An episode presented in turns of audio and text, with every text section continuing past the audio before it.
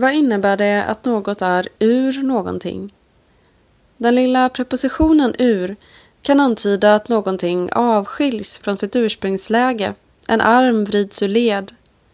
Men den kan också signalera att någonting utgår ur något på ett mer dubbelt sätt, att tala ur hjärtat.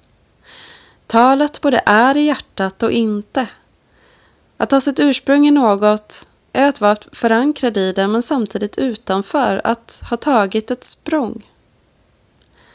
Titeln på Eva Runefeldts nya diktsamling Ur världen berör direkt frågor om immanens och transcendens, om hur världen egentligen är funtad och vad människans plats i den är. För vad menar hon egentligen? Finns det en plats utanför världen dit någonting försvunnit? Eller är det en röst som kommer ur världen? Men var befinner sig då vi som lyssnar? Precis som sig bör är titeln mångtydig och pekar såväl mot den närhet till det vardagliga som präglar Eva Runefeldts poesi som mot de döda som spelar en viktig roll i dikterna. De som på sätt och vis är ute ur världen men som samtidigt är högst levande i den. För en sak som karaktäriserar den värld som skrivs fram i Runefeldts poesi är att allting existerar på samma nivå. Gravstenarna och de döda som vilar under dem, syltburken i jordkällaren, sädesärlan, de utdöda ödlorna. Allting är besjälat och i rörelse. Så även orden och bokstäverna som karaktäriseras i den inledande sviten ord. Citat. De lever i flock, liksom ensligt, rygg böjd, krokig, rak, står i klunga bortvända, som hålls de om något det inte går att se. Slut citat.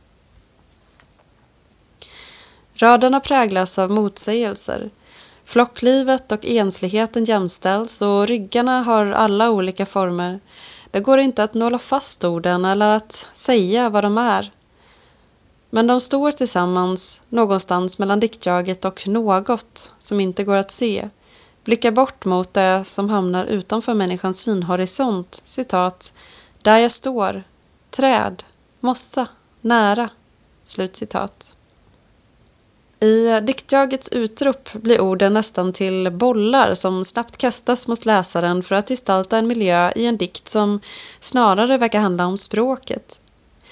Denna rörelse mellan inre och yttre, eller konkret och symboliskt landskap, är något av ett grundstråk i Runefeldts diktning. Och nog verkar det vara en immanent världsbild som tecknas. Allt är i världen, även språket. Orden är varelser i egen rätt, samtidigt som de fungerar som indikatorer på det osedda. Liksom man kan avläsa ett kommande jordskalv i djurens beteende. Orden liknas även vid ett strössel av björntråd, en kraftig sytråd som fogar samman saker. Denna trådsymbolik återkommer genom dikterna och är även tydlig på bokens omslag där olika snören och trådar samsas med barr, frökapslar och trädstammar i genomskärning med yxhugg tvärs över årsringarna. I denna inledande dikt gestaltas även vokalerna med en närmast barnslig blick som präglas av den synestesi som varit ett återkommande element i Runefeldts poesi. Citat. A sprider sig horisontalt. Slutcitat, heter det. Medan bokstaven E är citat sämskskinnsgul och sällskapssjuk. Slutcitat. I en tungvrickande allitteration. Synestesin har en gränsupplösande funktion då den sammanblandar men också intensifierar sinnesupplevelser. Ibland får dessa sinnessammankopplande ordlekar mig att tänka på Åsebergs bråkiga och djuriska ordlekar i exempelvis liknöjd fauna. Men Runefelt är inte fullt så psykedeliskt kortfattad som Berg utan drar gärna sina neologismer vidare ut i en lugnare ordström av infinitivsatser. Citat. Form ulera sig fladdermöss i järngrottan att ljuda högt denna tanke, kall eller varm.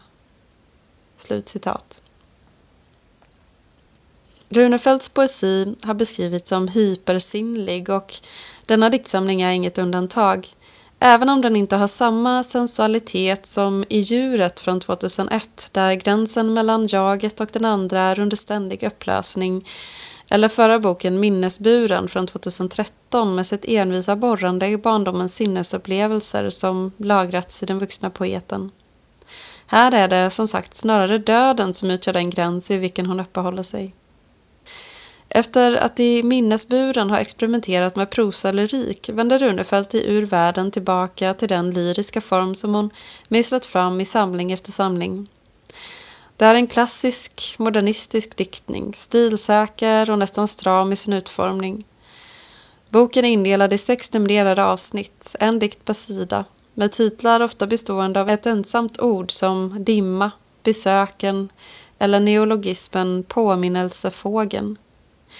Ett fåtal av dikterna sträcker sig, liksom inledningsdikten, över två, tre sidor men är då indelade i kortare, numrerade sekvenser. Jag tänker på vad Gunnar D Hansson skriver på ett ställe om diktsamlingen som litteraturform. Att den håller på att smälta bort tillsammans med Nordpolens is. Inte för att poesin i sig dör ut utan för att den idag snarare uppträder i sviter, långdikter och andra former. Men Ur världen är verkligen en samling. Dikterna står där på sidorna som blommor i ett herbarium, åtskilda från varandra men sammanhållna av en tydlig ordning och återkommande motiv. Och liksom blommor i ett herbarium har dessa dikter en air av tidlöshet över sig. Eller, de skapar sig ett rum vid sidan av tiden där tiden själv blir rum. Jag får känslan av att de lika gärna hade kunnat skrivas på 70, 80 eller 90-talet som idag. Det finns ingenting i dem som pekar mot någon samhällelig utveckling, mot något som skulle göra det möjligt att datera dem närmare än så, vare sig form eller innehållsmässigt. Ibland blir jag lite irriterad på att de känns så slutna och självtillräckliga, nästan avlägsnade ur världen med sina förnumstiga titlar och perfekta form. Som om den immanenta värld som gestaltas inte är den värld jag, läsaren, lever i. Men efter närmare läsning tror jag att känslan av tidlöshet är något medvetet. Eller, det rör sig snarare om en neddykning i de långa tidsperspektiven. Dikternas tid är den geologiska. Fossiler är ett återkommande motiv, såväl som stenens tunga och stumma vara. I sviten De överlevande liknar stenen först vid citat utdöda ödlor med sekel efter sekel i släptåg. Slut citat. För att sedan beskrivas som en sköldpaddas like. Sviten fortsätter, citat. Att hålla en sten i handen är att vara försenad och lugn. Snöra sagor, se tanken runda mineraler. Slutcitat. I dessa rader kan jag stanna upp och begrunda vad det är Runefelt försöker göra. Det är ett långsamt tänkande, skrivande, citat, stilla är en trakt, slutcitat, som det står i en av dikterna. Mineralerna nöts ned av tanken. Inte av den individuella tanken, men de tankar som tänkts över generationer om förhållandet mellan de döda och de levande, mellan denna världen och den som kanske finns bortom den. Att hålla en sten i handen är att vara försenad och lugn, är en fras jag kommer att bära med mig som en sten i fickan som man rör vid ibland för att låta den släta, svala ytan lugna en när omgivningen hastar fram. Och detta att snöra sagor som vi såg i inledningsdikten är orden trådar, texten materiell som en textil som vävs och snöras. Sagorna uppstår i ett möte mellan orden och den stumma stenen. Heidegger menade att stenen saknar värld. Men Runefelt, som är närmast besatt av att beskriva tingens avigsidor, försöker närma sig den berättelse som finns i fossilerna och stenen. Det finns något orfiskt över ur världen Myten om diktarguden Orfes som sjöng så att växterna och djuren lyssnade har ofta setts som en symbol för diktens förmåga att besjäla världen. och hans nedstigande under jorden för att hämta tillbaka sin fru Eurydike från döden kan tolkas som den dubbla närvaro av liv och död, av mörker och ljus som är inneboende i poesin, den oupplösta ambivalensen. För Orfeus misslyckas med att hämta sin älskare från dödens rike eftersom han, trots ett förbud, vänder sig om för att titta på henne under vägen upp från Hades. Enligt den franska författaren Maurice Blanchot är orsaken till detta misslyckande poetens rastlösa impuls att se tingen när de är osynliga och slutna i sig själva. Och detta, att inte nöja sig med att besjäla världen utan även försöka tränga in i tingens frånsidor, är något som jag tycker mig se hos Runefelt. Det blir framförallt tydligt i ekfrasen Hill och kritan där hon beskriver konstnären Carl Fredrik Hills teckningar. Där citat den motsträviga kritans bumliga streck liknar ormars maskars ryggar. Slutcitat. Men dikten speglar också Runefeldts diktning i Hills konst. För konstnärens citat motvilliga färger med lufthål i varje rörelse slutcitat och citat barnfingrar utsända av vresiga sinnen slutcitat bildar en parallell till Runefeldts dikter där färger och barnets blick spelar en stor roll. Dikten avslutas med de laddade raderna citat Trånga hjärna, otåligt vilja in i det som inte vill ses. Slutcitat. De anspelar nog på den mentalsjukdom som präglade Hills liv och konst men viljan in i det som inte vill ses är enligt Blanchot en grundläggande impuls hos den orfiska poeten. Runefeldts dikt krafsar ständigt på gränsen mellan det levande och döda, mellan det synliga och det osynliga. Som med stenen i de överlevande, som också kopplas samman med gravstenar. Citat.